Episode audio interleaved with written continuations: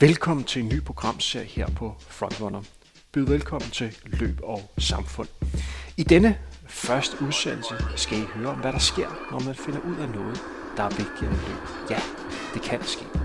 Dygtige Julie Rivold tager en snak med norsk danske Maren, og hvordan hun pludselig fra den ene dag til den anden skiftede karrierespor. Fra at være skolelærer, ivrig motionsløber med en meget populær løbeblok, arbejde for mar- maratonsport, til at be- beskæftige sig og hjælpe syriske flygtningebørn med at få et bedre liv. Hør denne fascinerende historie. I udsendelsen optræder der et sponsoreret indslag fra Zetland. Frontrunner er produceret af Team Tempo. God fornøjelse.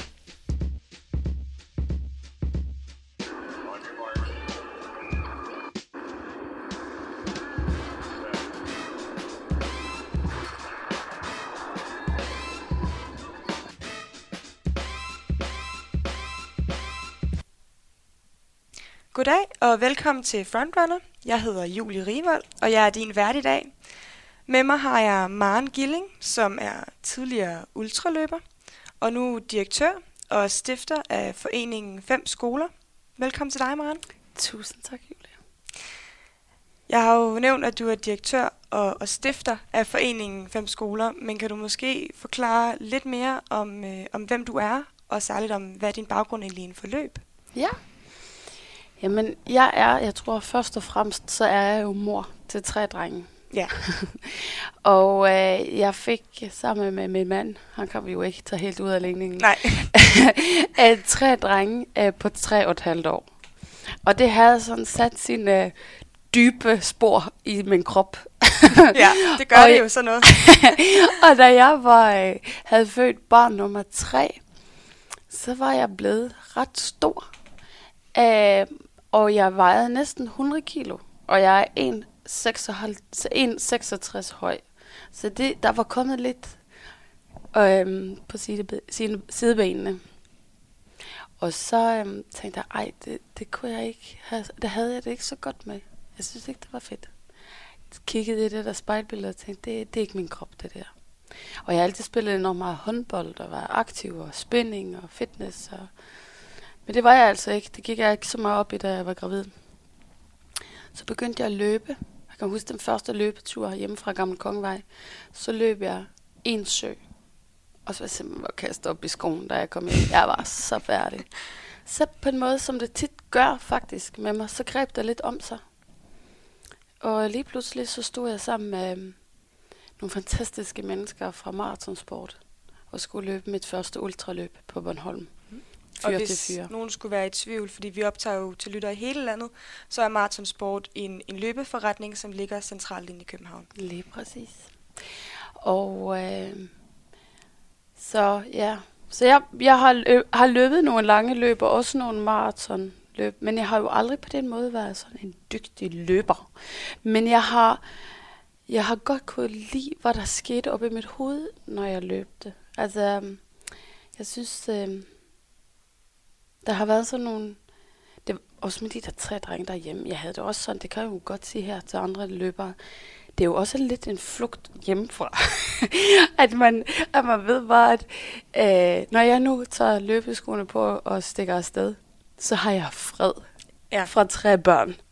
Øh, så det var klart, det var også en god motivation til at øh, stikke afsted ud om aftenen eller om formiddagen der. Nu har jeg ikke selv børn, men jeg læste øh, på et tidspunkt en, en løber, som var mor, og øh, skrev, at når hun er ude at løbe, så er der ingen, der, der råber, mor, mor, Ja, nemlig. hvor er det her? Og der, kan man, der, er bare, der ved man, at der er, ingen, der er ikke nogen, der kalder på en. Nemlig. Det, er sådan, det, blev, det blev hurtigt sådan et frirum. Og det blev også det blev meget vigtigt rum for mig, det med løb. Altså jeg, og også at få sin krop tilbage. Og jeg kunne mærke, at, at jeg kunne nogle ting, som jeg ikke var klar over, at jeg kunne. Altså jeg var god til at æde smerte i mig, og, og, øhm, og æde kilometer, og sætte mig et mål, og så følge det. Altså det, det var helt dannende, dannende for mig at, at løbe. Og så tænker jeg, Julie, faktisk, at vi bliver nødt til at sige til dem, der lytter med, at jeg kommer fra Norge.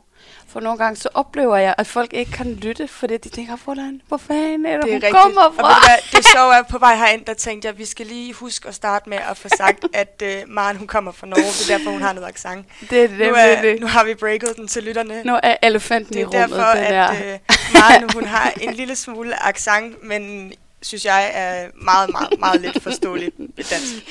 Øhm, Udover at være, øh, have, været, have løbet rigtig meget, så har du også en baggrund som skolelærer. Ja. Jamen, øh, jeg øh, blev uddannet i Danmark i 2004 på Frederiksberg Seminarium, hed det dengang, og været skolelærer i, i lang tid på Frederiksberg. Øh, men da lockouten kom tilbage i 2013, må der have været, så gik der noget af mig. Altså, jeg, var, jeg kom aldrig oven på den der lockout. Altså, hvor lærerne, vi var jo i ugesvis Ja. væk fra vores fra arbejde. sko- Ja. Og det var faktisk der, jeg sådan for alvor begyndte lidt at søge væk. Og jeg blev også løbetræner og fik et job inde i maratonsport, hvor jeg, hvor jeg skrev artikler om løb. Så jeg havde, jeg havde fri fra skole hver fredag, hvor jeg så kunne være inde i maratonsport. Og hvor jeg også havde, havde nogle løbehold og havde været løbetræner. Mm. Ja, fordi udover selv have været løber, så har du, som du nævner, ja. Du har både skrevet artikler for, Ja. for maratonsport, og du har været løbetræner i Ja. maratonsport for øh, det, der hedder Maratonsport Running Community, Ja, som, øh, som er et, endnu et, af- eller var endnu et af, af de her løbefællesskaber, der var i København, eller er i København. Øhm, og derudover har du faktisk også været frivillig træner til det, der dengang hed øh, Copenhagen Women's Race, Ja. som var et, et spartaløb, der blev Ja. kvindeløb, der blev afviklet øhm, i juni måned, ja. Lige omkring den her tid på året faktisk, ja. er blevet aflyst i år desværre. ja. Men, men øh, og har været træner op til det, så du har faktisk været en, en ret stor del af, af, af det danske løbemiljø. Men øh, har nu været med til at stifte foreningen Fem Skoler. Ja. Kan du forklare, øh, hvad, hvad, er I- hvad laver Fem Skoler, og hvad, Ja. hvad, hvad går jeres arbejde ud på? Jeg tror, jeg blev nødt til at starte en lidt en anden rækkefølge, fordi lige nu laver vi skoler til børn på flugt. Men det, det er jo sådan ikke sket fra den ene dag til den anden. Men tilbage i 2015, så gik der syriske flygtninge på motorvejen her i Danmark. Og der var der nogle af mine elever dengang, der sagde, hvorfor er der flygtninge på motorvejen? Hvorfor er de flygtet? Hvorfor er der krig i Syrien? Og jeg må helt ærlig indrømme, jeg anede ingenting om det. Fordi jeg synes, det var hårdt at se i fjernsyn. Altså, jeg kunne ikke holde ud og kigge på de her, øh, på krigen. Altså, jeg, og med de der tre drenge der, så havde jeg slukket for det. Jeg, jeg havde Ja. ikke lyst til, at det skulle være en del af mit liv, for at Nej. være helt ærlig.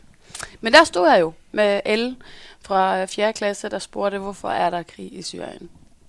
Så begyndte jeg at lave noget research, og så kunne jeg se, der var, jeg kunne ikke finde nogle undervisningsmaterialer, som jeg kunne bruge dagen efter i skolen. Og jeg tænkte, de, de klip, jeg fandt på medie, sådan nogle medieklip, det var sådan noget, hvor jeg tænkte, det her kan jeg ikke vise børn. Nej. Og hvordan taler vi om flugt og krig og, og vores nye medmennesker, hvis vi ikke hvis vi ikke ved, hvor de kommer fra, eller hvor de er flygtet fra. Så derfor så, så, tænkte jeg, så blev vi nødt til at producere vores eget undervisningsmateriale. Så var jeg i kontakt med Lars Ole Schmidt, som faktisk var fotograf på, øh, på, på Ultrakoppen, altså den her ultraløb. Og det var der, jeg kendte ham fra, fordi jeg fik et lift af ham, af ham øh, til øh, gendarmstien øh, ultraløbet nede i Sønderborg. Så vi havde talt sammen, og jeg tænkte, jeg blev nødt til at lave noget sammen med ham. Så vi lavede de her, vi søgte 200.000, og det fik vi, og så lavede vi undervisningsmaterialer om mennesker på flugt. Og den første, det var marts 17, var vi dernede første gang. Og da jeg kom Og når du siger dernede, så Det- var det nede i den nogle, syriske grænse, Ja. ikke inde i Syrien, på den Mm. anden side af grænsen. Og men nede i nogle flygtningelejre og besøge dem. Ja, Ja. Og, og børnehjem og folk børn på gaden. Det var forskellige steder faktisk den første tur. Men jeg, vi havde sådan en, der var en ret voldsom oplevelse, hvor, hvor vi blev tilbageholdt af, af myndighederne i landet. Og øh, de præsenterede sig ikke, så jeg troede, vi var blevet, vi var blevet kidnappet faktisk. Ja. Og øh, da jeg kom hjem fra den der første tur, jeg havde været enormt bange. Og der tænkte jeg, når jeg så gik ud og løb igen, så havde jeg det som, jeg havde det, da jeg troede, jeg var blevet kidnappet. Jeg sad bag en bil, jeg var smidt ind i en bil af nogle mænd, og vi kørte der ud af på en motorvej. Og, og der var jeg simpelthen så bange. Altså, jeg kan bedst sammenligne det med, for hvad, altså, nu løber jeg jo så meget i kontakt med kroppen, så de kan nok tåle, at jeg siger det. Men det var som at, øh, jeg var helt iskold i hele min krop, og så var det som at, jeg bare skulle skide så meget. Mm. Altså, at jeg skulle af med al min, Ja. alt det, der var øh, og i maven. Så, og den følelse, hver gang, når jeg kom hjem og igen skulle løbe, for jeg var ved at træne op til et ultraløb igen, så fik jeg den der samme, sådan nærmest angst, at det var forfærdeligt ubehageligt. Ja. Og jeg vidste simpelthen ikke, hvad jeg skulle gøre ved det. Altså fordi, jeg tænkte, hvorfor er det det, der kommer nu? Og jeg, jeg så stoppede jeg simpelthen med at løbe. Helt til jeg så tænkte, det her, det, det holder ikke. Jeg er, løb er så stor en del af mig. Jeg blev nødt til at overvinde det på en eller anden måde. Og så, øh, så meldte jeg mig til øh, øh, etape Bornholm. Så løb jeg en etape om dagen. Altså det, det, er jo, det er jo den, hvor man løber fem dage i træk, og til sidst er det et maraton, ikke? Det var faktisk rigtig godt. Det var helt sådan terapeutisk for mig. Mm. Og det er nogle distancer, som er sådan overkommelige, ikke? Det var rigtig godt. Så kom jeg lidt i gang igen Ja. ja. med at løbe. Og så bliver jeg enig med mig selv, når jeg løber, og jeg får det der angst og er bange for ting. Og jeg kan ikke sige, hvad jeg er bange for, for det er jo ikke noget, der er farligt længere. Jeg er jo ikke længere i en, i en presset situation. Så tænkte jeg, bliv i det. Tænk på børnene. Tænk på de her børn, du har mødt. Jeg havde sådan et billede af en pige, der hedder Rana. Hvor jeg tænkte, hun, da jeg spurgte hende, jeg spurgte alle børnene, hvad drømmer du om, når vi var nede ved den syriske grænse. Hun sagde, jeg drømmer ikke, jeg har ikke nogen drømme. Jeg har haft nogen, men nu er de væk. Nu er jeg bare bange. Jeg er altid bange. Jeg er bange for at bo der, hvor vi bor. Jeg er bange for de mænd, der bor i nærheden af mig. Jeg er bange for, at de kommer ind på mit værelse, når jeg ligger og sover. Så tænkte jeg, når jeg løb øhm, den første etape, Hassel-etappen, så tænkte jeg, nu bliver jeg i det. Nu tænker jeg på Randers, mens jeg løber. Og så kom jeg faktisk over det. Så nu kan jeg fint løbe. Nu har jeg ikke det der angst, når jeg løber. Men, men i starten, hver gang min puls gik op, så, så, så blev jeg ked af det. Så græd jeg, og så, så, så stoppede jeg. Det var simpelthen ubehageligt for mig. Mm. Det er så underligt, men den der, jo noget, der var, ikke var bearbejdet, kan man sige. Ja. Endelig Så kadaver. du kommer hjem og, og har, lidt, har oplevet noget, som Ja. gør, at det her løb, som har fyldt rigtig meget i dit liv, lige pludselig kommer lidt i baggrunden. Ja. Kan du sætte nogle flere ord på, hvad er det for nogle tanker, der fylder, da du kommer hjem fra de her rejser? Fordi du er jo ved at lave undervisningsmateriale. Ja. Men hvad, hvad er oplevelsen af at komme, komme ned i, ved den tyrkiske, syriske grænse, Mm. og, og så komme hjem igen? Altså, hvad vækker det af tanker hos dig? Mm. Det, var, det ene var jo hele det der kropslige, at det var svært for mig at være i den der angst, der jeg løb. Men jeg havde det også sådan. Hvordan kan jeg tillade mig at have gang i sådan et pisse egoistisk projekt, og gå op i, hvilken løbesko jeg er på, og om jeg har den nye Phoenix-ur, eller Mm. var mine tanker, og det jeg skrev om, omkring mit eget navlepilleri, Mm. omkring tider og distancer, og udstyr, og Instagram og post, og løbefællesskaber, og nu hvor jeg tænkte, det her det er simpelthen for overfladisk for mig. Mm. Jeg havde set mennesker på flugt, mennesker, der har forladt alt, de har, mennesker, der kæmper for at holde liv i sine børn og sine, ja, Øhm, og du nævnte noget for mig omkring det her med at, at komme ned til, øhm, til lejrene og lave undervisningsmateriale, men at have en, et behov for øhm, ja, at lægge, du sagde, du følte, du tog noget uden at lægge noget. Ja. Vi blev ved med at rejse ned til den syriske grænse. Da vi rejste hjem første gang, så vidste jeg bare, at jeg skal tilbage igen. For det, det her at være i de her flygtningelejre og være omkring de her børn, det er jeg god til. Jeg, og jeg, jeg, jeg kan godt være i det, og jeg kan... der kan fortælle deres historie, når jeg kommer hjem. Og vi blev ved med at rejse derned. Og så til sidst, så får jeg sådan en følelse efter, det er jo så efter godt et år, hvor jeg ser, at vi tager noget, hver gang vi er der. Vi tager deres historie. Vi tager deres fotografier. Vi giver aldrig noget. Nogle gange gav vi noget mad til nogen. Men altså, du ved, Mm. det store billede giver vi ikke noget. Vi sætter ikke et aftryk. Jeg øh, bygger ikke noget fremtid. Og det kunne jeg ikke leve med. Altså, jeg kunne ikke leve med, at, at jeg er sådan... Jeg, jeg blev enormt ked af det.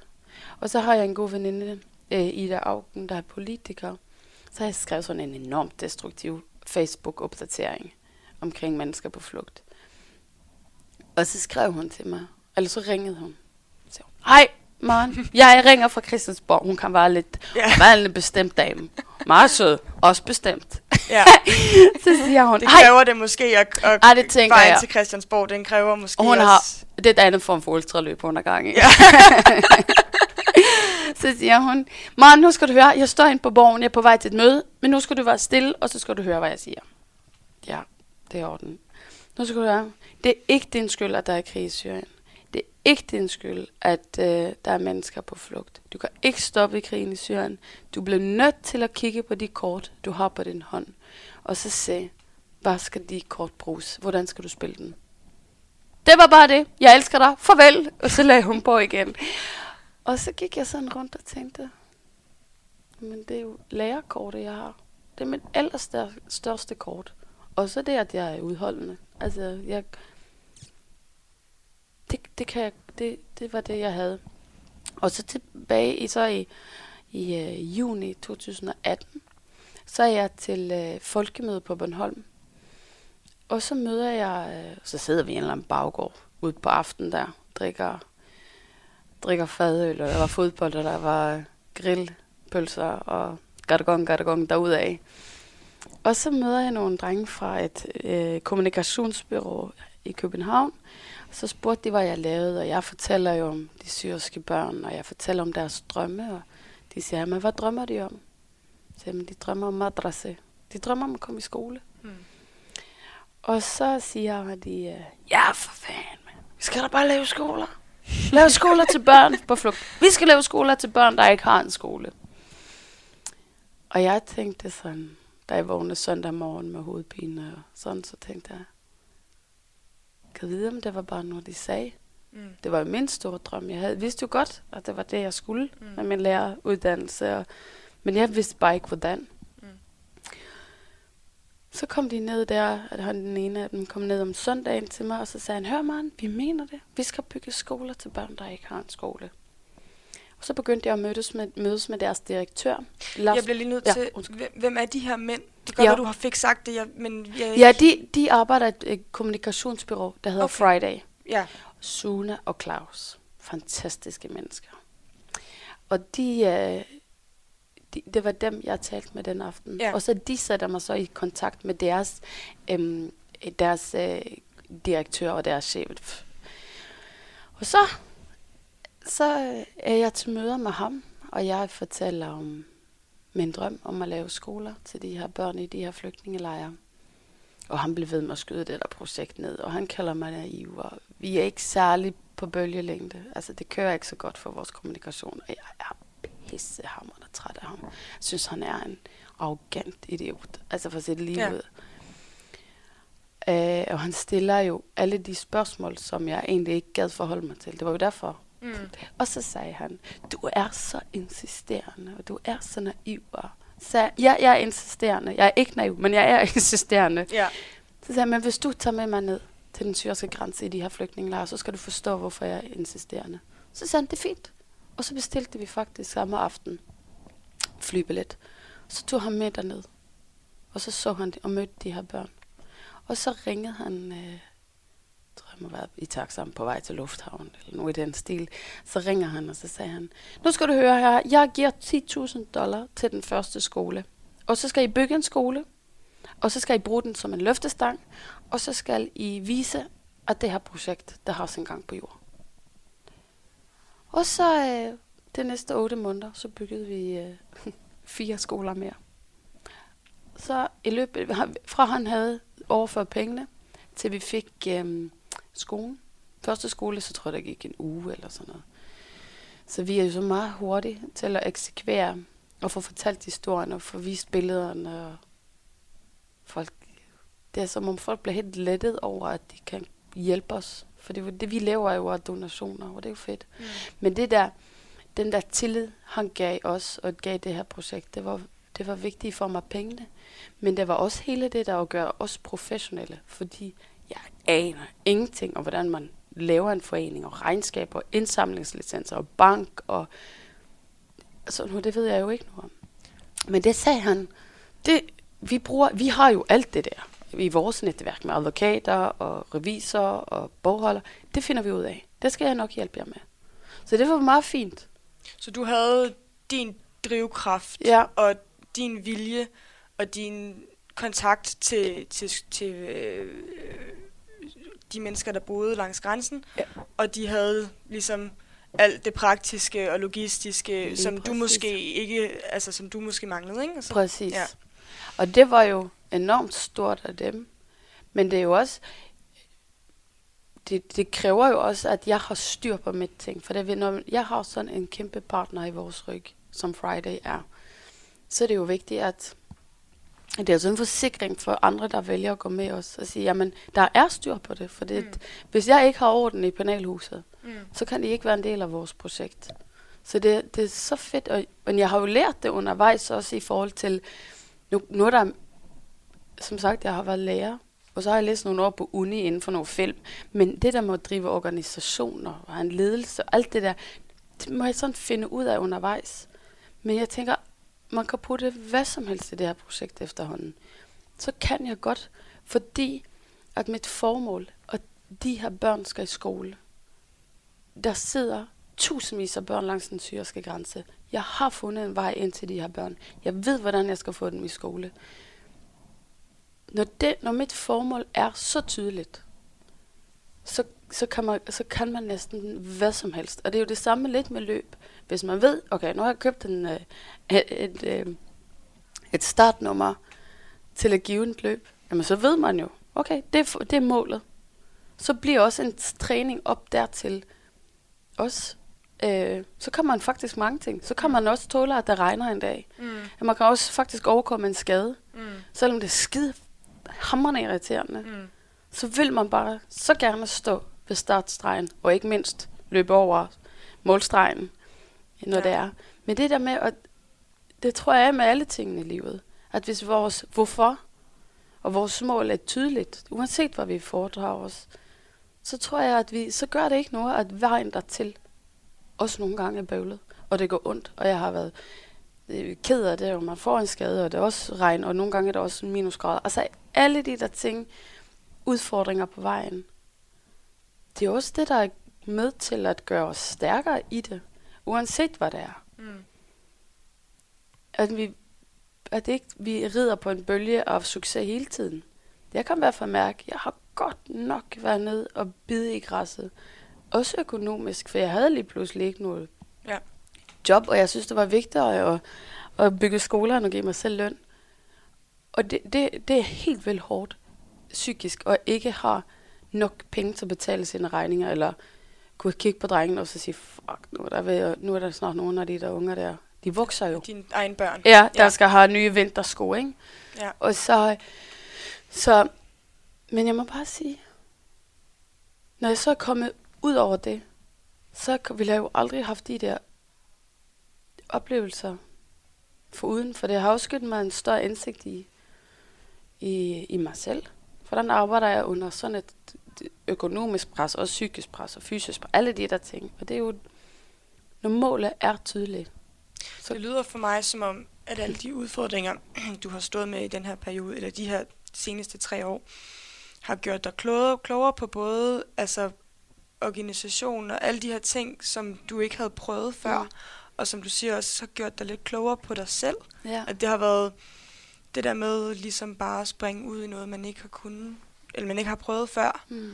og lidt med, med måske med ben for øjnene på dybt mm. Mm. vand, og ligesom man har haft den her enorme vilje til at hjælpe de her mennesker. Det har også Mm. bare gjort, at så har du kunne lære så meget undervejs, ikke? Jo. Ja. Og, og jeg tror bare, da jeg, hvis jeg kigger tilbage på, da vi rejser til, altså vi er jo, står jo ikke i krig, men vi er jo på randen af krig. Jeg kommer fra en folkeskole på Frederiksberg. Jeg bor selv på Frederiksberg. Jeg er fucking vokset op i Blomsterdal. Altså, jeg har jo aldrig været i nærheden af, eller har noget som helst forudsætning for at rejse ned der. Totalt med hovedet under armen. Virkelig rejser jeg derned. Og jeg tænker så nogle gange, det har ikke været forsvarligt. Og jeg har, nogle gange så holder jeg foredrag for, for efterretningstjenesten herhjemme. Øh, Forsvars efterretningstjeneste. Og de siger også nogle gange, okay, gjorde du det? Altså de synes jo også, det, det er lidt en øh, uforsvarlig historie. Men man kan sige, nu har vi fundet vores vej i det. Ja. Men, men jeg vil nok ikke anbefale andre at gøre det. Nej. Øhm, på grund af myndigheder dernede. Ikke? Altså vi har været tilbageholdt to gange af, af myndighederne. Ja. Øh, en gang mistænkt for noget terror. Altså vi sad på afdelingen for terror. ja, fordi jeg tænker, hvad er, far, hvad er de konkrete farer? Ja. Det, Ja, men det er jo helt klart, at, at det, jeg, det, der, det, jeg er allermest bange for, det er faktisk, at jeg på en eller anden måde får lavet en lovovertrædelse, mm. som jeg ikke er klar over. Ja. Det er mit allerstørste udfordring. Altså ikke udfordring, men min frygt. Så derfor er vi jo enormt forsigtige øh, i forhold til, hvad vi laver og hvad vi gør. Og vi er jo også i kontakt med ambassaden, og, øh, men også vores lokale stakeholder, altså ham, som hjælper os dernede. Ja. Og, for han er, han er, han er syrisk flygtning selv, og han ved jo også, hvis han laver noget, så ryger han tilbage i krigen. Ikke? Mm. Så vi, der er jo mange ting på spil, og også vores, vores elever. Do no harm. Og det gør man altså bedst ved at undersøge tingene, før man kaster sig, altså kaster sig ud i det. Så Ja. det gør vi fra nu af, kan man sige. Efter vi begyndte at lave skoler, så er vi enormt påpasselige med, hvad vi, hvilken ting vi sætter i gang, ja. og hvordan vi gør det. Øhm, men ellers har det jo været, altså, så er det jo myndigheder. Øh, hvis de ikke, hvis de er hvis de har mistanke til, at vi laver noget, der er ulovligt, eller radikalisering, eller hvad det nu er. Mm. Så derfor har jo det, at vi er kommet tæt på myndighederne og i dialog med dem, enormt vigtigt for vores egen beskyttelse. Og de ved til hver en tid, at vi er der. Og nu vi sender, de ved, når vi kommer, og når, når vi rejser hjem. Ja. Og det er også med til at beskytte os. Ja. Så det er sådan den eneste, sådan på den måde far. Og så er der jo trafik. Det er der så mange andre steder også. Men, men det, det er de ting. Jeg kunne godt tænke mig at spørge dig, fordi det her, du har lavet med at komme fra den her Mm. meget øhm, etableret hverdag med at være skolelærer, mm. Mor til tre på Frederiksberg, og bolig på Frederiksberg, og sikkert sådan godt 8-16 månedslønnet Ja. job, og, Fin og pension har lært. ikke, og ikke noget krig i Danmark. Nej. Altså den her meget fredelige tilværelse også. Til lige pludselig at øh, drive ud i en lidt mere usikker tilværelse, både i forhold til din private økonomi, som du mm. Mm. nævnte, i forhold til at springe ud i et projekt, hvor du ikke rigtig har noget erfaring med det, og Nej. ikke ved det ene og det andet, og oven i købet øh, nede ved den syriske grænse, hvor der også lurer rigtig mange ja. Ja. andre farer, og Mm. med nogle mennesker, som, som står i en kæmpe tragedie, som mm. du Mm. egentlig ikke har nogen personlig erfaring med heller. Mm. Mm. Øhm, det, er jo, det er jo et kæmpe spring.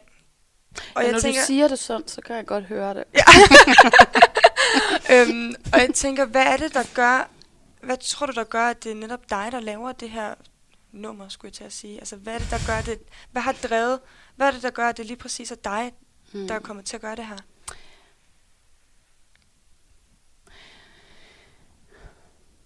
Ja.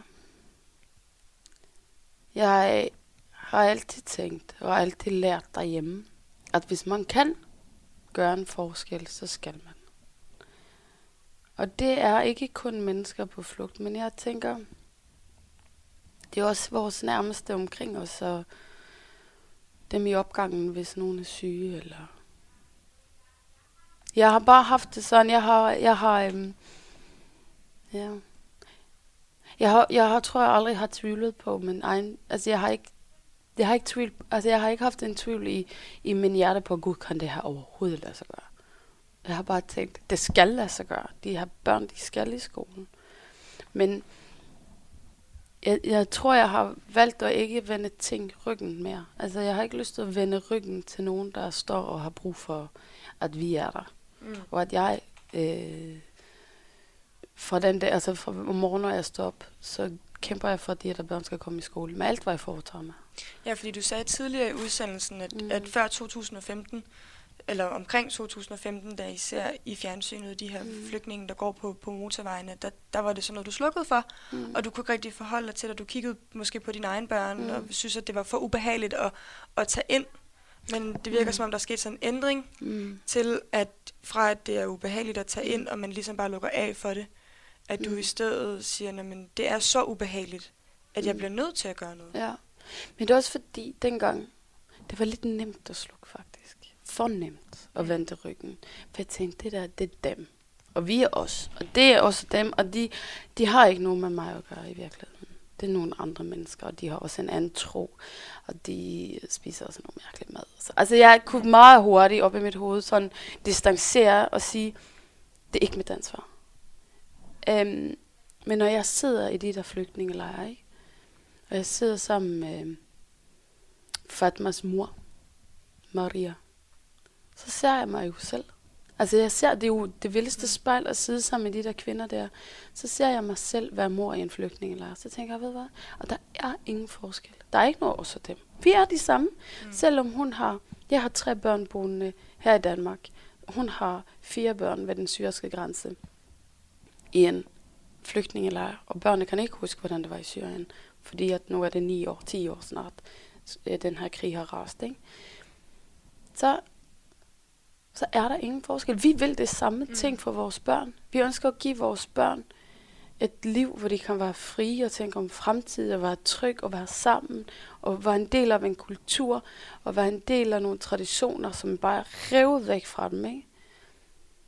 Altså, der, vi, vi, de, vi er de samme. Og det var bare, og når vi så er de samme. Og vi, de er børn. Og vi, jeg er voksen. Jamen, så har vi da i den grad et ansvar for at hjælpe. Og, og være med til at påvirke deres liv, hvis man nu kan. Mm. Og så synes jeg egentlig, det er det. Der er nogen, der siger, tænk nu lever du din drøm ud.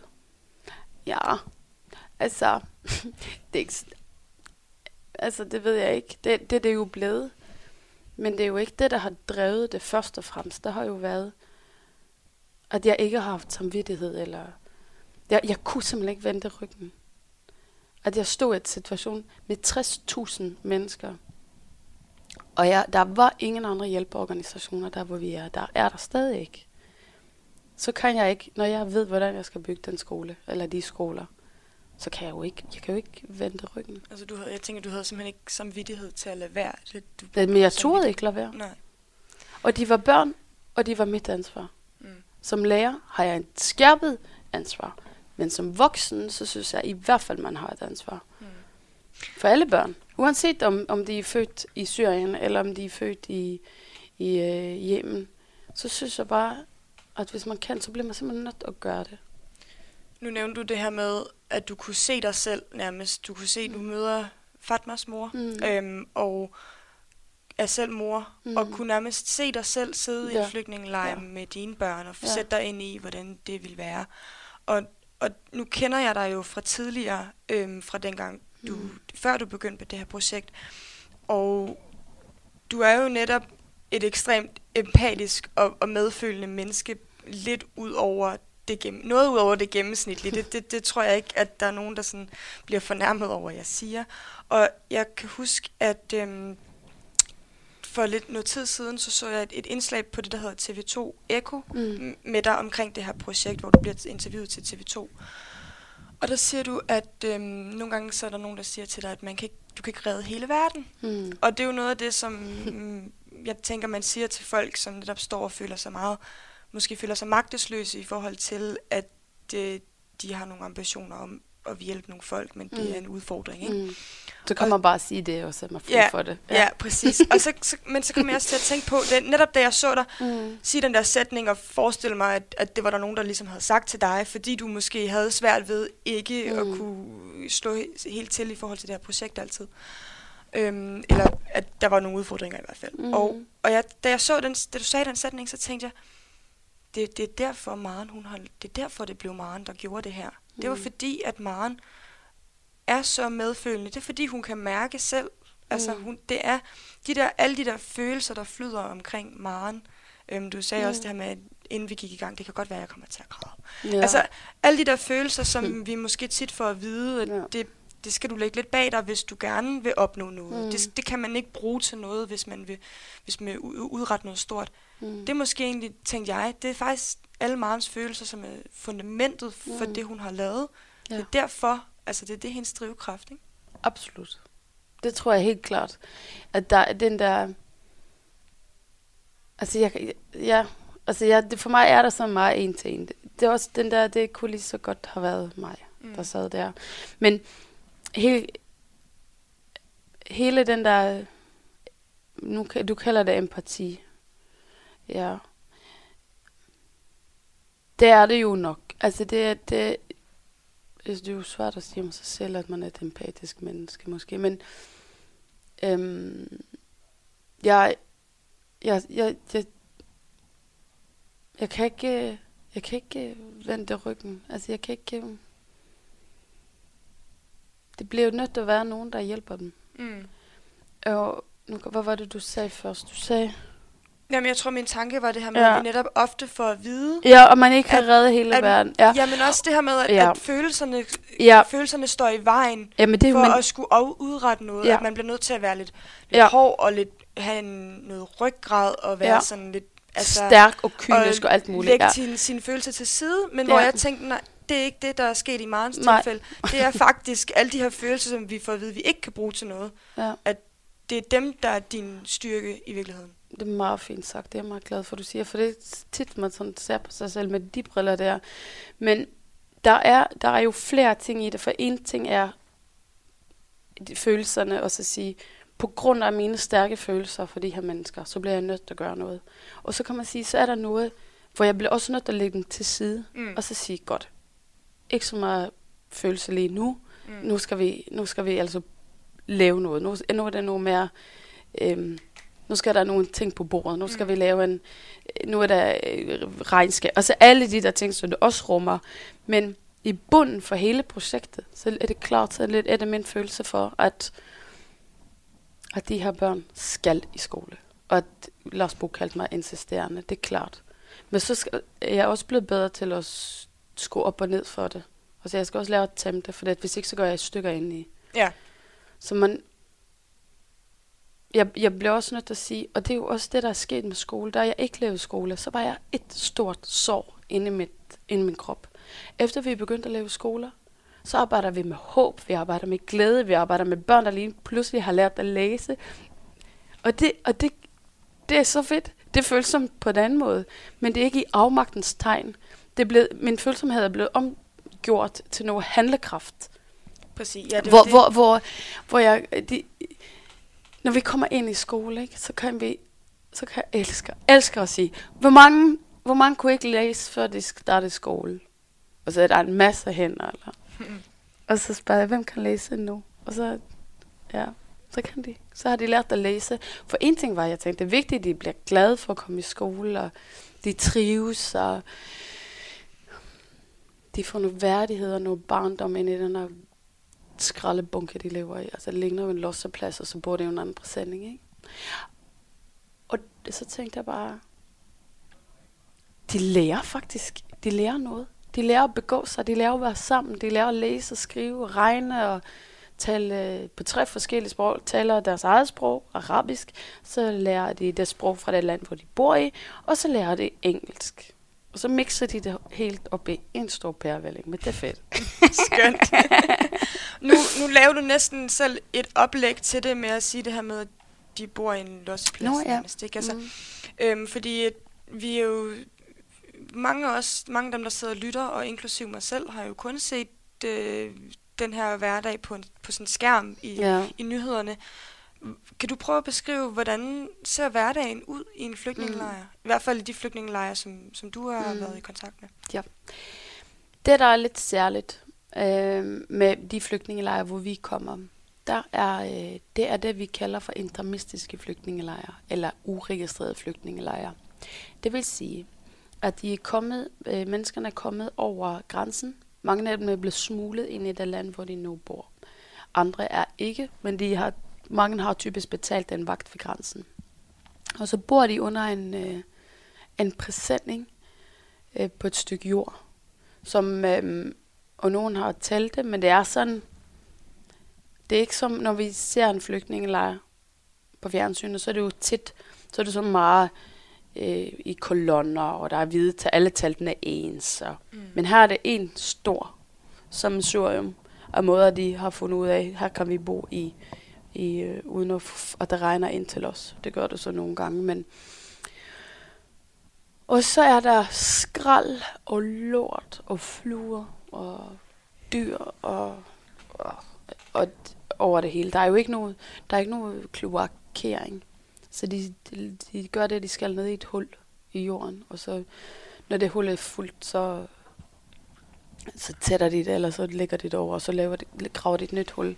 Så det hele er sådan meget råt, og så er det åbent, ligger typisk på lavt liggende områder, der hvor bønderne ikke kan dyrke marken. Så der er om vinteren, er der simpelthen så meget vand, der løber den vej hen. Grundvandet står højt i forvejen, men øh, når der regner, så løber det ligesom ned der, hvor de bor. Så regner der vand ind og kloak ind i teltene på dem. Og vi har været på et, i en telt, hvor alle børnene, de var, alle de små babyer, de var fyret op i loftet i nogle vugger, de havde lavet, og nogle kasser. For at de ikke skulle Øh, ligge, kravle rundt inden i lorten, ikke? Mm. Men alt blev vådt, alt er koldt. Det om vinteren. Alt. Og det blæser, og det er koldt. Og de, de har ikke brænde, så de brænder plastik af. Så der er plastik og lort. Og på et tidspunkt, så tror jeg, jeg kom til at kalde det for en sødlig lugt. Så var der en voksen mand boende i Danmark med iransk-irakisk baggrund og boede mange år i flygtningelejr. Han skrev til mig, Gud ja, du har ret med hensyn beskrivelsen. Det lugter sådan en sødlig stank. Jeg kan huske det. Og det tænkte jeg, ja, det er jo ret passende så at kalde sådan en sådan sødlig stank. Og der de står op om morgenen, så spiser de, øh, måske hvis de har, så spiser de noget mad. Det er typisk sådan nogle brød om morgenen. Ja, fordi jeg skulle til at spørge om, hvor, hvor er forplejningen? Mm. Altså, hvor kommer Ja. det fra? Hvor får man Mm. mad? For eksempel mad, toiletpapir, altså ja.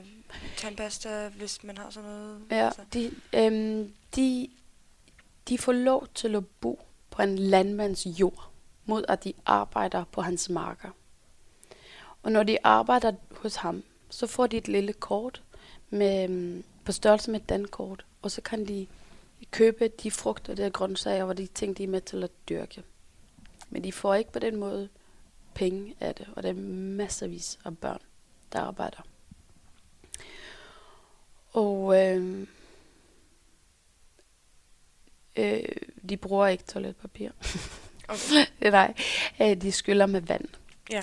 Øh, men ellers, der er jo, de er fuldstændig alene. Og jeg plejer altid at sige, er der nogen, der har været her hos jer? Nej, ikke siden sidst du var her, siger det.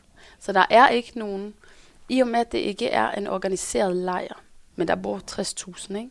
Der er ikke nogen NGO'er, der står for det og sørger for dem, og siger godt, øh, ligesom jeg har været i, i Cox's Bazar i Bangladesh, en af verdens største flygtningelejre. Der er det jo kæmpe, altså hele NGO-verden er jo samlet der og hjælper. Og der er øh, madprogrammer og sådan noget, der er der ikke her. Nej. Så de, men de får det på en eller anden måde til at virke. De virker, de fremstår faktisk ikke underernæret. Måske fejlernæret, Mm. men det er ikke det, der er udfordringen med maden, for det, de får faktisk mad i sig. Øhm, det er mere, det er beskidt, det er hygiejne, de har konstant diarré. Fluer, der flyver ind i, i toilettet og sætter sig på agurken bagefter, ikke? Ja. med kolibakterier. Øhm, og det er også noget af det, vi arbejder med i skole. Øh, hygiejneundervisning. Men det er jo et enormt trøstesløst sted, hvor børn, der ikke går i skole, de sidder og sidder og sidder. Og de leger ikke. Man hører dem aldrig. Man hører ikke børnene i de der flygtningelejre. Og jeg kan Selvom at der bor 60.000 mennesker. masser, masser af børn. Og de leger ikke. De sidder, hænger, ligger, ligger bare, ligger bare og sover på jorden. Altså, det, det er så voldsomt. Jeg kan huske, da vi har lavet skole nummer et, så skulle jeg gå sådan et pænt stykke fra bilen. Så går jeg hen over en mark, og så er der en masse telte. Og så hører jeg bare lyden af børn. Her lyden af skole. Her børn, lyden af børn, der griner, og en lærer, der sådan står og klapper hænderne og prøver at få ro på. Jeg kunne simpelthen græde af lykke, for jeg tænkte, sådan skal det være. Det er lyden af børn. Første gang nogensinde, det var da vi havde lavet den der skole nummer et. Og jeg kan mærke de der børn. Der, der er ligesom som om, der bliver sat ild til dem. Altså, vores lærer, han sagde, han har undervist i Syrien, han sagde til mig, ved du hvad, det er ligesom, man kommer tilbage fra sommerferien, og så ligger der en tør svamp over i hjørnet. Sådan er de her børn, når de starter skole. Og så når man giver dem vand, så, så vokser den, og så bliver den klar, den der svamp. Sådan er det med de her børn. Altså, jeg kan næsten ikke følge med. Det er noget helt andet. De er så motiverede, de er så klar. De vil bare gerne i skole. Men det liv der, og jeg tænker, nu har de ventet i. Nu er det 9-10 år efterhånden, ikke? Og jeg, jeg, efter corona, det gik, jeg har altid tænkt, når jeg sidder med de her mennesker, så har jeg tænkt, jeg ved, hvordan de har det. Jeg ved, hvordan det er at være et menneske på flugt. Eller jeg forestiller mig i hvert fald, mm. at jeg kunne forstå deres følelse. Mm. Det var først, da corona kom, at det gik op for mig, at jeg ingenting aner om det. Fordi der fik vi taget vores frihed fra os. Der kunne vi lige pludselig ikke gå til uh, træning længere. Der kunne vi ikke se vores forældre. Min, min rejse til Norge til mine forældre blev aflyst. Vi kunne nærmest, vi, altså vi kunne jo ingenting. Børnene kom ikke i skole. Vi var derhjemme. Mm. Bum. Afskåret fra virkeligheden. Afskåret fra hverdagen. Friheden er taget væk. Man er ikke længere stand til at navigere i eget liv. Hendes majestæt, kong Frederiksen, to. hun tog, hun, øh, hun øh, øh, bestemte, hvad vi skulle gøre. Mm. Og det var ikke kritik af hende. Det, hun mm. gjorde, hvad der yeah, hun troede var yeah. bedst for os. Men det der med at ikke længere kunne bestemme, det, det kunne vi ikke. Nej. Det synes jeg. Det der med, at friheden er taget Fuldstændig. Og, og vi, men vi, vi kunne gøre det, imens vi bagte boller. Ja. Jeg lærte at lave sovs. Jeg, øh, vi har lavet fællessang. Vi har været i fællesskab med hinanden. Hver for sig. Mm. Øh, det var fedt at få lov til. Vi er, vi er nu familie på en helt anden måde. Efter det der, kunne jeg mærke. Der er, så at vi kunne følge det med nogle ting. Mm. Men de, de er jo bare, de sidder på det der 10 år der, uden at vide, hvornår er det, det her, den her undtagelsestilstand går over. Ja, I en flygtningelejr, hvor man intet kan tilbyde sine børn. Hvor man ikke er sammen i et fællesskab. Vores lærer, ham den ene lærer, jeg sagde til ham, hvad er det, hvad er det værste? Så sagde han, ved du hvad det er? Det er, at det her, det er ikke vores kultur. Vi har ingenting at være fælles omkring. Mm. Og jeg tænker, hvad er det, der har båret os igennem den her corona? Det har været vores fællesskab, vores kultur. Det, at vi har kunne øh, lave fællessang og, og øh, være sammen om nogle ting i vores kultur, det har taget fuldstændig væk fra dem. De står så alene. Husk, at du som lytter af Frontrunner kan få adgang til det politiske nyhedsmedie Zetland de kommende to måneder for kun 50 kroner. Det er under en tredjedel af normalprisen. Tegner du et abonnement, støtter du samtidig Frontrunner med 200 kroner. Du finder link, du kan benytte inde på vores Facebook-side. Nu tilbage til dagens udsendelse. Fortsat god fornøjelse. Ja, godt spørgsmål. Altså, vi læste jo lidt inden corona, så kunne vi læse, at Iran, Tyrkiet og Rusland er ved at være træt af øh, Assad, Syriens præsident, og vil gerne have en afsat. Og det kunne jo tegne godt til fremtiden. Men de her mennesker, jeg vurderer, Og så længe Assad er ved magten, så kan de ikke vende hjem. Mm. Der sker typisk to ting ved en til hjem, hjemvendelse. Det er, enten så bliver de arresteret, fordi at de for eksempel har øh, nægtet at være i militæret, øh, eller at de har mm, vores tidligere tolk, han arbejdede på en fabrik. Han var ingeniør. Og han, efter at have været på universitetet i Aleppo, så skulle han have fem år, hvor han arbejdede, jeg tror det var fem år, hvor han arbejdede for, for øh, regime, for staten. Og han flygtede efter tre år. Og det vil sige, hvis han kommer tilbage, så bliver han arresteret. Mm. Så med mindre Assad bliver stillet for en krigsdomstol, inshallah, altså, så kan de, så, så, så er det ikke trygt for dem at vende retur. Vi ser, ja, enten så bliver det arresteret, nogen ser vi også, de bliver internt fordrevne. Det vil sige, at de bliver på flugt i eget land, når de så kommer tilbage. Hvis ikke de har nogen, mange huse er jo væk, der er ikke et sted at bo. Så med mindre man har en, en familie, man kan bo hos i Syrien, så kommer man til at flakke rundt i flygtningelejre i Syrien.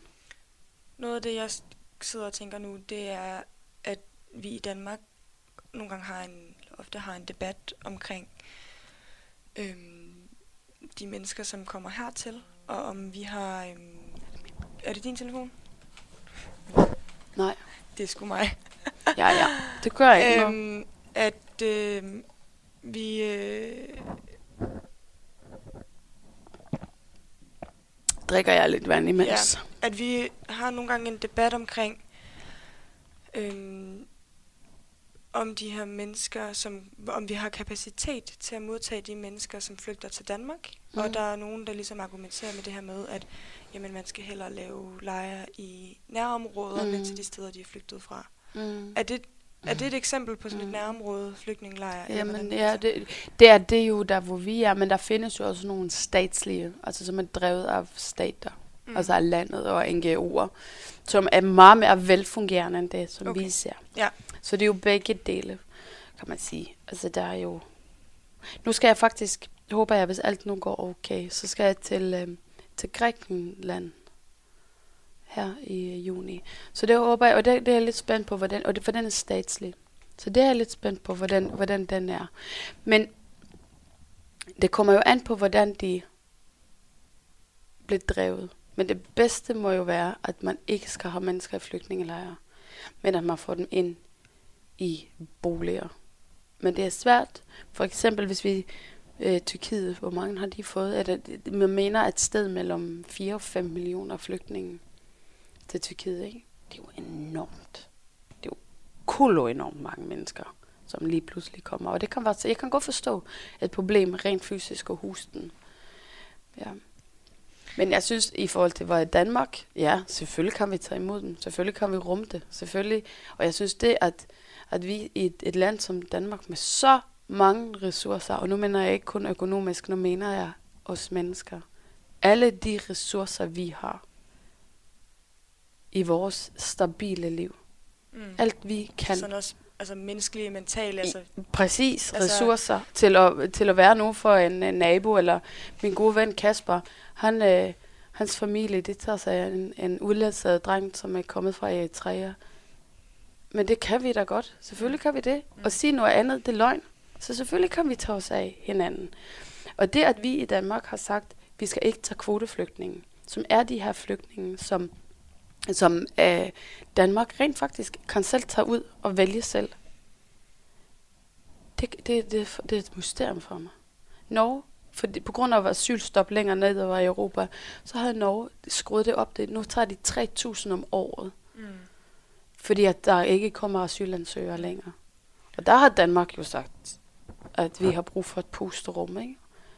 at vi ikke har kapacitet. Ja. Eller, ja. Og det kan man jo sige, spørgsmålet er jo, nu skal man passe på, at det ikke bliver for politisk i sådan en, en løbepodcast Ja, nu selvfølgelig, men, skal altså, men klart. altså noget af det, jeg sidder og tænker, det er, hvad, hvad er kapacitet, at, hvad vi kan tilbyde de her mennesker i forhold til, hvad de får i for eksempel en, en flygtningelejr Præcis. dernede. Ikke? Altså, det er jo nærmest, Det er en stor nærmest bedre, forskel. Ja.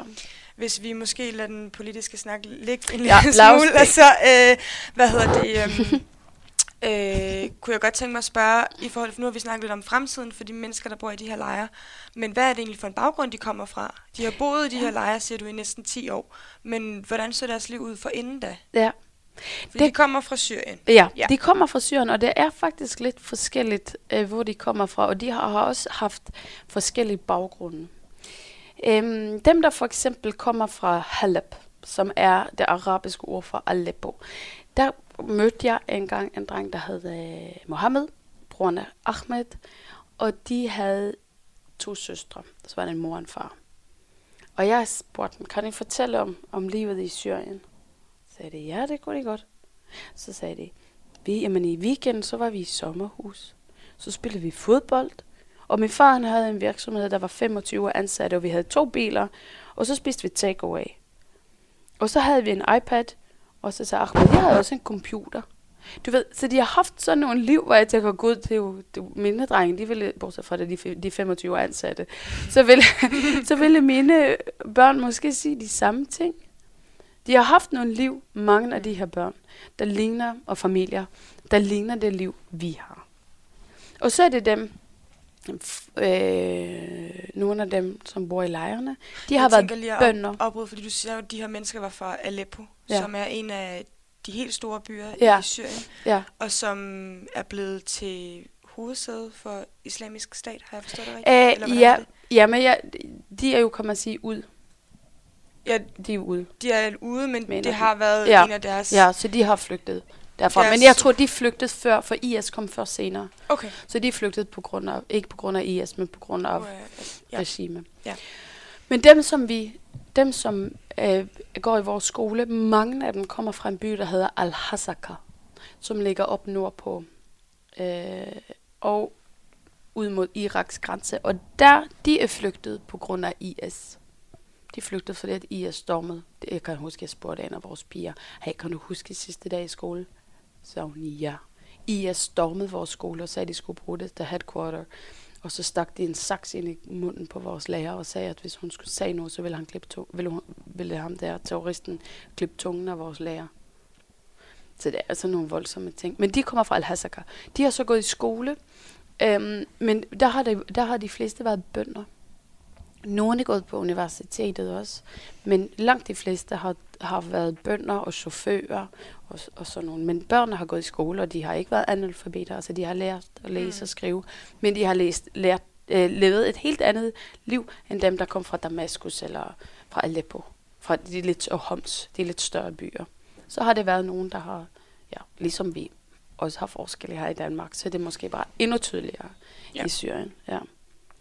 Øhm, vi har ikke så lang tid tilbage, men jeg har alligevel nogle, nogle ting, jeg gerne lige vil spørge dig om, inden vi slutter af. Øhm, og det er lidt i forhold til det her arbejde, I laver, som I har jo, målsætningen var at bygge de her fem skoler, mm. og de Mhm. blev bygget inden for et år, halvandet. Mm. Øhm, Otte måneder. Otte, otte måneder faktisk, okay, sejt. Øhm, og, øh, og nu er I så i gang med ligesom at vedligeholde dem og facilitere ja. skolerne. Hvad er det for nogle udfordringer, der står i det her arbejde? Ja. Jamen, altså, det er, der er, personligt er der to ting, og det er tempo og tålmodighed. Altså, for det, jeg vil jo gerne bygge fem nye skoler i morgen, og det er fordi, at jeg ved, at vi har et system nu. Hvis vi har pengene ind på vores konto, så kan stol, skole stå klar på mandag. I dag har vi tirsdag. Ja, så kan, skole, så kan jeg have en skole med 80 elever på mandag. Så det, det er det ene Men det er de udfordring. økonomiske Ja. midler, I mangler. Ja. Yes, vi har ikke øh, nogen fonde i ryggen. Vi lever af donationer fra mennesker, som synes, at nu giver jeg lige 200 kroner, nu giver jeg 100 kroner. Og alle vores arrangementer her i, i forbindelse med corona, det er jo så blevet aflyst. Men vores udfordring, ja nu skal vi kons- her i 2020, så skal vi konsolidere vores skoler. Det vil sige, at vi skal styrke den. Sørge for, at de er kørende. Øh, øh, lave kurser for vores lærere, gøre dem stærkere. Og så skal vi bl- blive mere kendt, sådan at vi i 2021 får øh, bygget fem nye skoler. Det er målsætningen det næste år. Og så bruger vi år efter der igen til at konsolidere igen. Så vi tager, jeg håber, det bliver sådan, at vi kan tage fem skoler ad gangen. Men nu må vi se. Og så håber jeg, nu har vi lige fået boost i ryggen øh, Boost.com Ja. har øh, støtter os de to næste år med 400.000 årligt til et projekt, hvor vi skal styrke vores piger. Hvor, med fokus på et pigeprojekt. Ikke? Mm. Så det er jo fantastisk, og jeg kan mærke, fra det har været sådan et kælderprojekt inde i min mave, så kan jeg mærke, at der kommer flere og flere ombord. Brugt corona. Sara Umar er vores ambassadør. Pelle Venegård, Pernille Rosendal, Manu Saren. Vi har fået nogle virkelig, virkelig gode Mm. ambassadører. Mads Nygaard, som er er bestseller. Fot- øh, forfatter. Altså, der er nogle virkelig gode aktører, der er kommet, nogen, der er med til at gøre os stærkere. Ja. Og jeg ser simpelthen så lys på fremtiden. Ja, vi har udfordringer, og der er klima, og der er myndigheder, og der er teltet, der ryger nogle gange, Og corona. og der er corona. Men igen, for helvede, det er jo verdens bedste projekt, og det- der er aldrig nogen, der kan være uenige, at de der børn, de skal i Nej. skolen. Og derfor, og når jeg kan se, at det lykkes, jamen så kan de der udfordringer, de kan komme. Mm. Det er ikke noget, der får mig ned med nakken. Nej.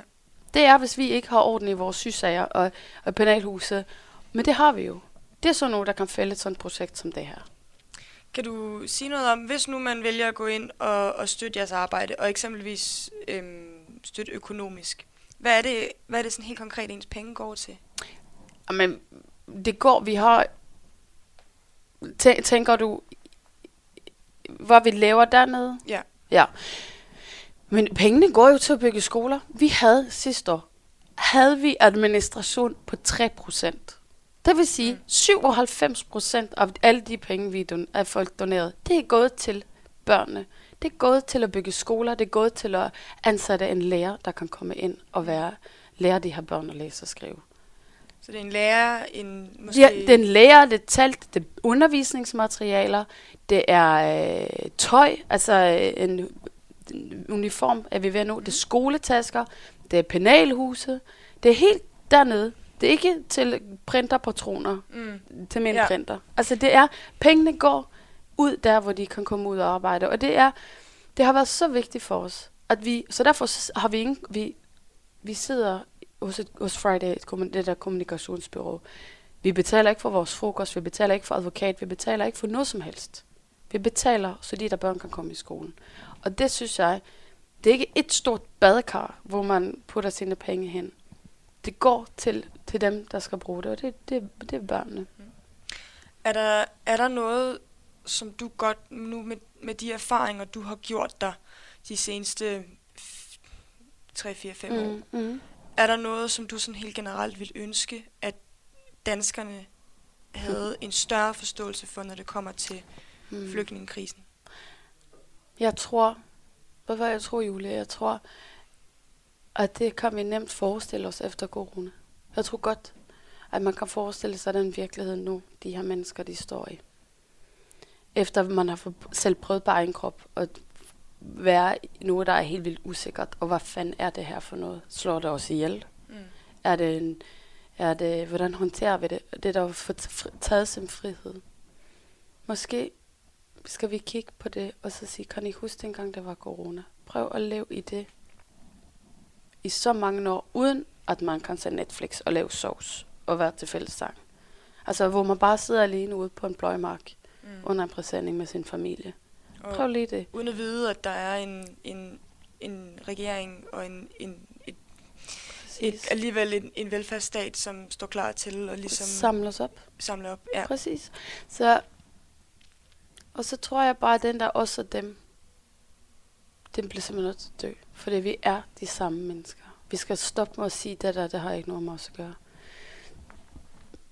De, det er, det, det har noget med den også at gøre. Der er en jord. Og det er den, vi fælles bor på alle sammen. Mm. Så derfor bliver vi nødt til at kigge ind i de udfordringer og de problemer, der også ligger langt væk fra os. Mm. Det er også vores ansvar. Mm. Noget af det, jeg kom til at tænke på, inden jeg tog, altså på vejen herind i morges, det var øhm, omkring det der med at forstå, at det har noget med en at gøre, og det der med at sætte, sætte sig ind i andre menneskers sted. Noget, jeg synes var interessant, det var, at øhm, jeg så et interview med Daniel Ryge, mm. Som har været, øhm, han er fotograf, og han mm. har Mm. været gissel hos islamisk stat øhm, i, øhm, tilbage i 2013 og 14 i, i mere end et år, og han har været fanget hos islamisk stat, og der øh, findes der både en, en bog om og en film om, som hedder Ser du månen, Daniel? Og det er øh, nogle meget, meget, meget brutale ting, han har været udsat for. Og noget af det, som, som han, efter han er kommet hjem til Danmark igen, har, øhm, har finansieret alle sine psykologtimer, mm. blandt andet ved at gå rundt, tage rundt og holde foredrag for folk omkring de ting, han har mm. oplevet. Og noget af det, han sagde, det var, at danskerne de bliver meget, meget, meget forfærdet over, når jeg fortæller min historie og fortæller de ting, jeg har oplevet. Men jeg kunne godt tænke mig, at danskerne forstod, at de ting, jeg har oplevet, er det, som alle de mennesker, der er på flugt, har oplevet. Mm. At mm. det er som om, at de kan relatere mm. mere til det, når det er en hvid, lyshåret fyr, der står mm. og fortæller det, men i virkeligheden, så er det jo faktisk det, som alle de mm. mennesker, der bor i Syrien og flygter fra Syrien, har oplevet. Og han kunne godt tænke sig, at, at folk ligesom mm. forstod det bedre, at det, at de kunne, det måske er svært at relatere sig, som du sagde, når folk de spiser noget andet, og de har en anden tro. Men i virkeligheden er det jo mennesker ligesom... Præcis. Ja. Og det, er det lidt sjovt, for det, jeg har en veninde, hun sagde på et tidspunkt, ved hvad du er, Maren? Du er en trojansk hest. Du slipper de syriske børn ud her. Vi forholder os lige pludselig til børn fra Syrien og børn på flugt på grund af dig. Og fordi at det er det, vi kan. Jeg, men jeg kan jo godt forstå det. Jeg kan jo godt forstå, at hvis jeg nu ruder rundt ved den syriske grænse og laver skoler, så kan jeg godt forstå, hey, det, kan jeg godt forstå, for jeg kan godt relatere til meget. Jeg kan ikke relatere til det der. Mm. Og jeg tror bare, at desværre, det er sådan, vores hjerner er indrettet. Mm. Men jeg tror, hvis vi er bevidste omkring de der ting, at vi forholder os til det, og så tror jeg bare, jeg, jeg vil ikke anbefale, at folk øh, kører min model helt, øh, altså det, det, det vil jeg gøre, men man kan gøre noget der, hvor man er. Ja. I, og i sit liv. Igen en god overgang, øhm, fordi hvis nu man sidder og tænker, øj, det vil jeg da gerne hjælpe med, øh, mm. jeg vil gerne enten ja, som måske støtte økonomisk, det er jo det nemmeste. Mm. Ens telefon ligger sikkert lige ved siden af en, mens man sidder og hører det. Hvordan kan man støtte jer? Øhm, Ja.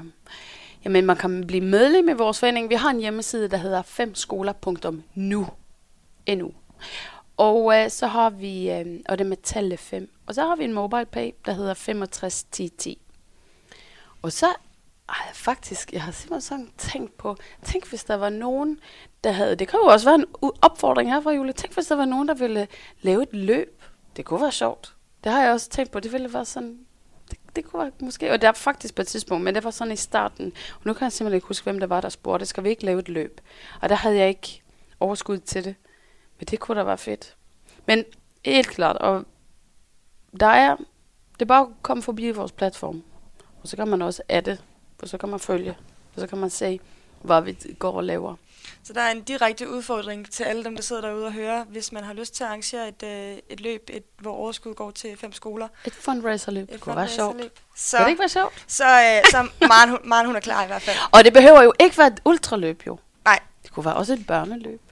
Det var en god idé. Mm. Den er hermed øh, lagt ud.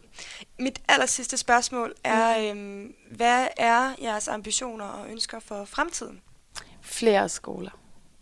Flere børneskole. Ja. Så simpelt det er, det, det, det er fremtiden.